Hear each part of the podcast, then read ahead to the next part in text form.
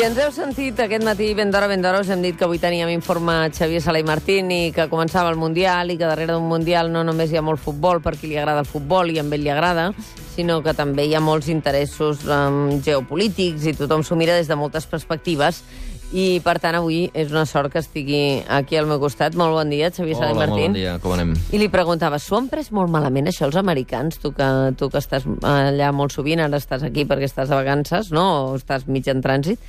Mm, Això de no participar al Mundial els deu, els deu afectar una mica, no? Sí, sí, més del que sembla. O sigui, allà, allà el, el futbol, o el sòquer, que li diuen ells, no és l'esport principal, ni el segon ni el tercer. Eh, diguem, ells els agrada el futbol americà, els agrada el bàsquet, els agrada el hockey sobre gel, El béisbol. béisbol. Uh, però el, quan arriba el Mundial, eh, curiosament, i Estats Units juga, doncs tothom en parla i els bars eh, s'omplen i la gent discuteix i, i a veure, no, no és igual que, que a la resta del món, eh? al Brasil o aquí, a, a tot arreu, la gent eh, diguem, està pendent constantment del Mundial, no és això, però sí que si Estats Units participa, doncs eh, tothom, tothom, tothom ho mira. És com, com quan el, el Lance Armstrong guanyava, guanyava el Tour de França, llavors tots els americans miraven ciclisme i ara ja no el mira ningú. Exacte. Doncs, eh, doncs una, mica és, una mica és això. Avui comença aquest Mundial amb un Rússia-Aràbia Saudita. I dèiem aquest matí, precisament, atenció perquè hi haurà una reunió entre Putin i el príncep saudí perquè aprofitant la vinentesa del Mundial, doncs es deuen parlar de coses. Deu una mica el palco del Bernabéu amb gegant, deu ser allò, no? Un Mundial deu ser un palco del Bernabéu amb gegant. Segurament, No? jo, no, jo no, no, no he anat mai a, a, a cap mundial, i no, però segur que se- sempre, sempre s'aprofiten la, qualsevol ocasió per parlar-ne, i en aquest cas suposo que... Parlaran del preu del petroli, parlaran de veure com... Sí, no? i, de, i de la geopolítica, i de què s'ha de fer amb l'Iran, i de... Home, ja, tothom té interessos comuns, uh, i, i sí, en aquest cas són dos països productors de petroli, amb interessos geopolítics a l'Orient Mitjà, Síria, Iran, etc, Iemen, i suposo que en parlaran, però bueno, tampoc no, no ho sabrem mai. A Vladimir Putin no li interessa res al futbol, no li agrada gens, diuen, però està clar, uh, el fred de peus que deu tenir Donald Trump uh, tenint uh, Vladimir Putin d'anfitrió de tots els països que en aquests moments uh, estan damunt del tauler amb, amb unes circumstàncies difícils des del punt de vista del preu del petroli, de la guerra comercial, etc. no? Perquè al final uh, aquest president dels Estats Units que t'ha sortit, Xavier Soler i Martín, està fent uns moviments curiosos, no trobes? Sí, és un home peculiar. És peculiar, És eh? un home peculiar, no només pel color, eh, del Sí. color taronja aquest Aquest estrany color. que té, sinó perquè fa coses que diguem que no són bones pels Estats Units. No? És, és un home que té una visió una mica... Uh, bueno, és, és el cas extrem, diria jo, de lo que és un polític dolent, que és que diguem, el seu màxim objectiu és ell mateix. Eh? El seu màxim objectiu és mantenir-se al poder o, eh, i que tothom parli d'ell i ser el centre d'atenció, és un egomaníac. Uh, I, per exemple, amb el tema estrella dels darrers dies, no, no l'estrella, l'estrella dels, dels darrers dies és, és el, eh, Corea, però amb, amb el, amb el d'abans... Prèviament, que és el trencament de l'acord amb l'Iran, No, me volia dir el, el tema dels, dels aranzels. Sí, la guerra la, comercial. La guerra comercial aquesta que ha encetat um, és un exemple clar de, de, la seva, de, la seva, de la seva manera de pensar. No? Els economistes han, han demostrat, i és una de les poques coses en la que estem gairebé de, tots d'acord, que quan tu puges aranzels eh, hi ha gent que hi guanya i hi ha gent que hi perd. Però si tu sumes tots els guanys i li restes totes les pèrdues, sempre surt negatiu. O sigui, les pèrdues sempre són més grans que els guanys, i per tant és una mala idea si mires el conjunt del país. Però clar, això no vol dir que tothom hi perdi. Hi ha uns que hi guanyen. I llavors tu mires en el cas aquest que ens ocupa, no? Quins aranzels han pujat? Uh, ell, aranzels vol dir, pel, pels oients que no, no entenen, uh, són impostos en els productes estrangers. Val? Uh -huh. Doncs ha posat impostos addicionals, impostos addicionals a l'acer i a l'alumini. Llavors mires, qui a dins dels Estats Units fa acer i fa alumini? Doncs són els estats de Pensilvània i Ohio. Llavors vas a la nit electoral i, I, I mires el resultat? I mires eh, quins són els estats tradicionalment demòcrates que a les últimes eleccions van votar Trump. I recordeu, no només van votar Trump, sinó que la nit electoral que estàvem tots pendents de qui guanyava, Sí, sí. Hillary i tal, va haver-hi un moment que semblava que guanyava la Hillary i de sobte va haver-hi dos estats que van girar, van canviar de color, pum, van passar a Trump i a partir de llavors va guanyar Ja Trump. està. Quins eren aquests dos estats? Pensilvània i Ohio. Per tant, ell què diu? Ell què pensa? Diu, uh, ja sé que en el conjunt dels americans sortiran perdent. Pugem els preus dels aranze... del, del preu, el preu, els impostos especials a l'acer uh, i els productors d'acer de- d'aquests estats i sortiran Estaran guanyant. feliços. Els treballadors també, perquè ara, eh, de sobte, l'acer que no poden vendre perquè són ineficients, perquè els coreans i els xinesos fan acer molt més barat, doncs a, a partir d'ara com que els xinesos i els, eh, i els eh, eh, coreans hauran de pagar aquest impost addicional, les empreses americanes podran vendre molt més acer. Per tant, aquests hi sortiran guanyant. Els treballadors de Pensilvània sortiran guanyant, els empresaris sortiran guanyant. Ergo, m'asseguro la reelecció. I, però ja hem dit que hi ha coses negatives, eh? Què passa quan puja el preu de l'acer? Doncs que, clar, els, que, els consumidors que compren productes d'acer, els que comprem neveres i vivim a Nova York, sortiran perdent, perquè de sobte seran 25% més cares. Jo, com a ciutadà de Nova York, hi sortiré perdent. Ciutadans de Califòrnia sortiran perdent. I llavors què pensa el Trump? Els seus assessors econòmics ja li diuen no, no, el que perdin els ciutadans de Nova York i els de Califòrnia serà molt més que el que guanyin els de Pensilvània. I ell què contesta? I ell diu, ja, però és que jo a, a, a, a- a Nova York són demòcrates, mai m'han votat a mi. No em votaran mai, ja els dono per perduts. És una mica com, una mica com Catalunya pel PP, no? I foten coses que perjudiquen a Catalunya, però els hi donen vots en un altre lloc. Doncs és igual. El que, nosaltres, el que el nostre niu de vots està en un altre lloc, doncs escolta'm, endavant. Doncs això és el que pensa.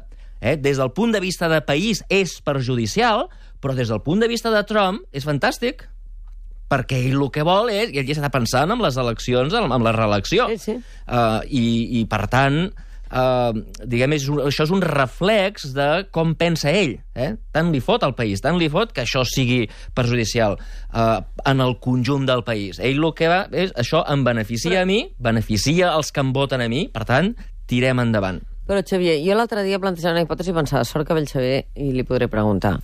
Uh, si comença a fer una guerra comercial amb tot el món, perquè, clar, la- està posant les coses a un nivell que Xina uh, no, no és un tema de només Europa, Alemanya, s'estan amistant amb Canadà, uh, té un lío de nassos al sud, a, a, Amèrica del, del Sud, Mèxic, etc. Si tot el món que consumeix molts productes nord-americans, perquè, escolta, tot el que consumim, una part important del que consumim surt d'allà. Mm, féssim boicot a, a les produccions nord-americanes, enfonsem l'economia d'aquell país en quatre dies.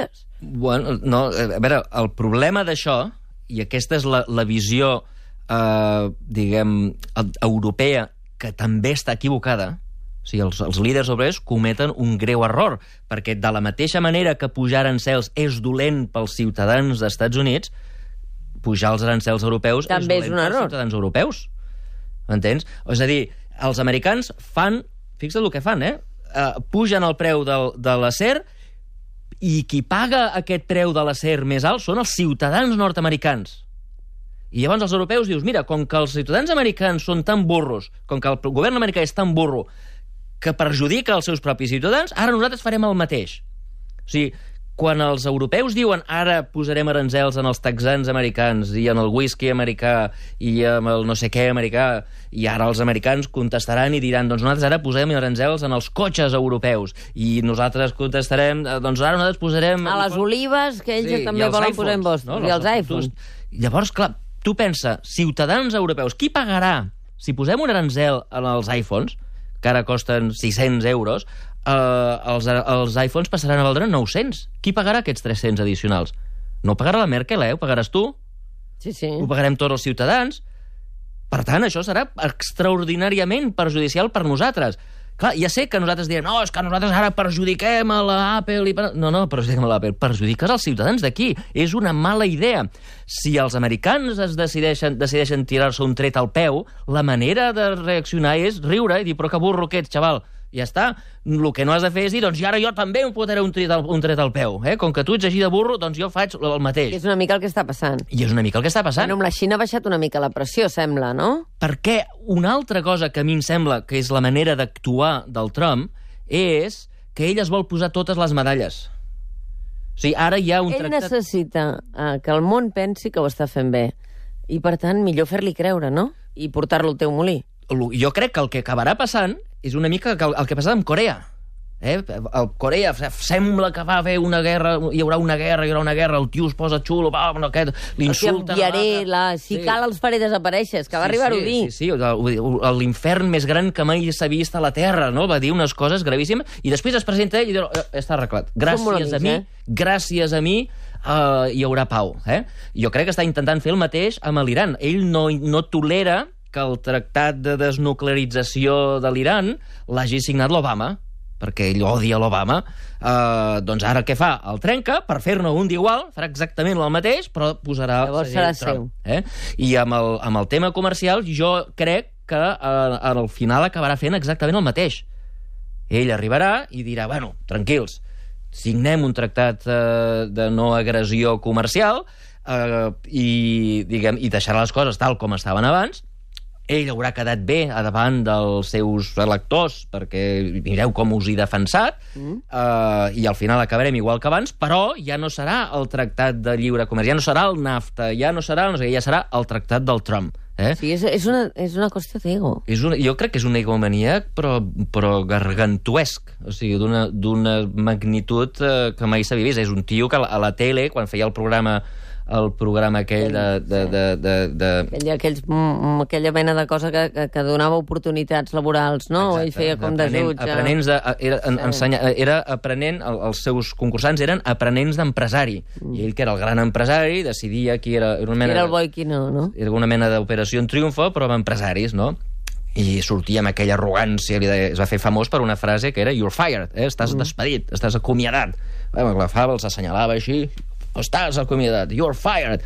I, i, però amb aquest to xulesc que té ell, i això, diguem, això és el, el va fer famós. Ell era famós per un, senyor famós no per les seves empreses, sinó perquè era un senyor sortir a la tele. Però eh, tu creus que la Unió Europea pot acabar caient en aquesta trampa? O li veuran, és a dir, Manuel Macron, Angela Merkel sembla que és bastant... Eh, té, aquest, té aquest punt a vegades, perquè, per exemple, amb la crisi d'Itàlia, per, per saltar-ho a, a una cosa que ha passat aquí, ha dit, bueno, Itàlia, a veure, s'han tomat una part dels refugiats, vull dir, tampoc no ens tornem bojos, eh? Ara, amb Itàlia, resulta que ells s'han menjat una part del marrón. Vull dir que, cuidado, França, tampoc cal eh, crear una crisi aquí de la Unió Europea, no? Vull dir que no sembla pas que Merkel caigui ràpidament a les trampes, que li pugui parar un egomaníac. Bé, no, la, la Merkel és, és més llesta, però d'entrada ja ha caigut.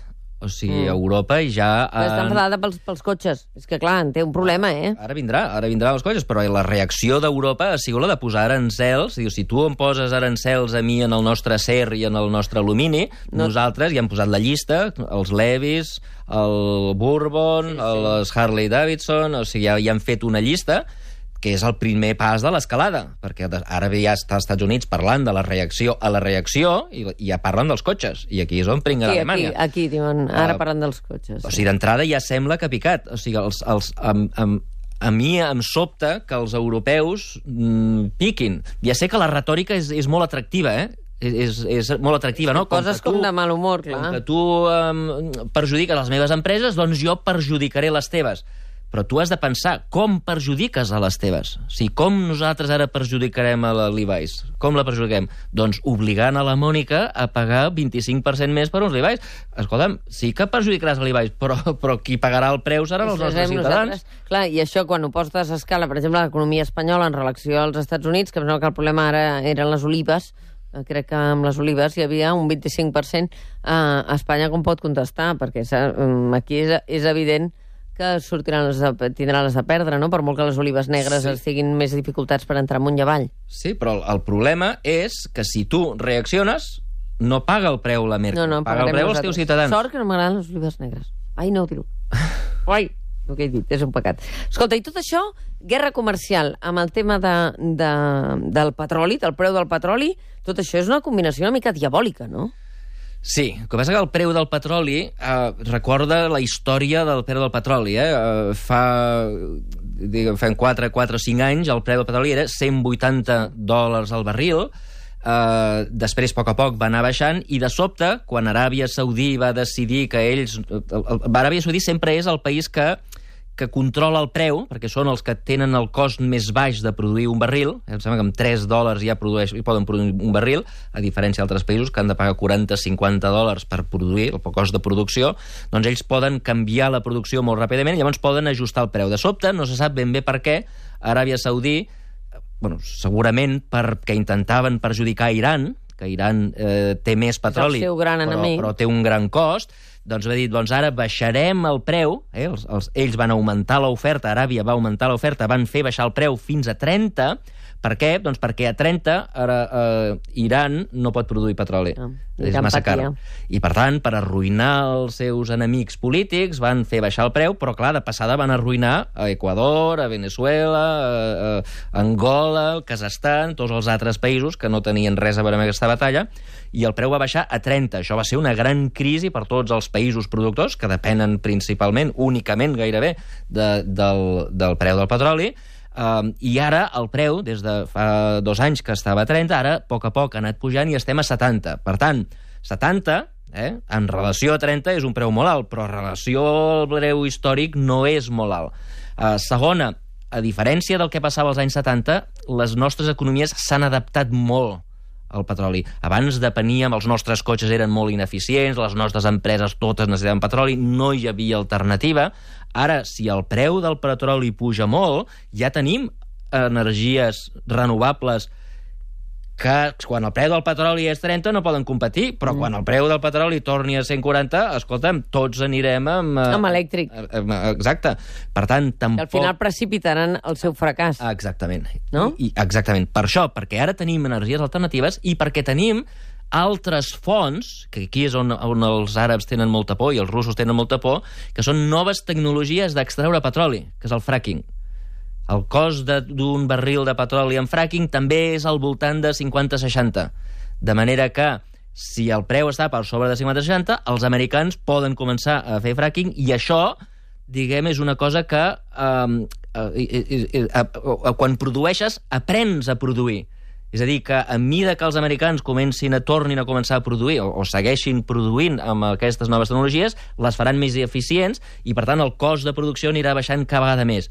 I, per tant, a la llarga, a la llarga els, diguem, els preus no podran pujar molt perquè hi haurà tota aquesta oferta d'energies alternatives i tota aquesta oferta extra de petroli que, eh, que impedirà que el preu pugi molt i que l'impacte de pujades de preus en les nostres economies, que en els anys 70 van ser devastadores, o sigui, van crear una crisi, la crisi més gran després de la Guerra Mundial, eh, després de la Gran Depressió, eh, fins ara que hi ha hagut la, la, la, la, la crisi del 2008, eh, la gran crisi va ser l'any 74, quan van pujar els preus del petroli. O sigui, una, el preu del petroli era fonamental. Ara això ja no hi és. Uh, sí que és veritat que els que utilitzem petroli sense produir-ne, com nosaltres, eh, uh, doncs quan puja el preu, la factura de l'energia puja, uh, tots sabem que la benzina ens costa més, tots veiem que l'electricitat ens costa més, uh, però ja no genera una gran crisi, eh? genera diguem, una, una petita inflació, pugen els preus, però no és devastador com havia estat abans. Uh, quan ara et sentia, Xavier Sala i Martín pensava, hi ha sectors que veus que hi han morts, uh, diguéssim, d'alguna manera de treballar que arribarà, no? Sigui, en parlem amb tu a vegades quan parlem dels robots, en el cas nostre del periodisme ho veus amb els diaris de paper, penses, bueno, arribarà un moment que el paper mm, no serà ni eficient, ni sortirà en compte, ni tota l'estructura de distribució, ni tot plegat, quan serà, no? Et preguntes d'aquí 10 anys, d'aquí 5, d'aquí 15 o d'aquí 20, no? I en el cas del petroli eh, també hem de pensar que hi haurà sí. d'aquí quan que desapareixerà, perquè tindrem aquesta capacitat, no? Exactament. Aquests dos finals arribaran, no? Arribaran per dues raons. Una, perquè les energies renovables, sobretot la, la, la captació de l'energia solar, cada vegada és més eficient. Si tu mires el cost de producció ha baixat en els darrers anys d'una manera brutal eh, i això, diguem, el, la, la reducció de, de costos, l'eficiència de les noves eh, tecnologies és, eh, eh, serà, serà fonamental per, per, per l'alternativa. La, eh, I la segona cosa que està passant és que, clar, el gran problema de l'energia solar o de l'energia eòlica és que hi ha dies que no hi ha sol mm. i hi ha dies que no fa vent. I aleshores sempre has de tenir alguna manera de fer energia quan no fa sol o no fa vent. I aquí hi ha un altre invent que estan millorant a velocitat, eh, eh, diguem, a la velocitat de la llum, eh, que és, gràcies a la revolució dels automòbils elèctrics, elèctrics, és la revolució que està venint les bateries. Va, perquè les sí. hem de fer més petites, han de durar més, no? Exacte, i això estem aprenent a fer bateries. Uh, això què vol dir? Doncs que, clar, quan faci sol, carregarem les piles i quan no faci sol les utilitzarem ja serà aquest problema que té les energies renovables, que és que hi ha dies que no fa sol o hi ha dies que no fa vent, aquest problema desapareixerà quan tinguem bateries eficients. Les bateries, recordeu els primers mòbils, eh? Els primers mòbils que tenien unes bateries que Enormes, eren, eren caixes de sabates. Exacte. Uh, allò era que la bateria, tot era bateria, eh? El telèfon mm. era petitet, igual que ara. La, la, el gros era la bateria. Uh, la bateria ara cada vegada és més petita, cada vegada dura més, uh, per primer per la revolució dels mòbils, però ara sobretot per la revolució dels cotxes. Un privilegi tenir classe amb Xavier Sala i Martín, segur a les aules i també a la ràdio. Moltes gràcies, que tinguis un bon dia. Gràcies a vosaltres. El matí de Catalunya Ràdio, amb Mònica Terribas.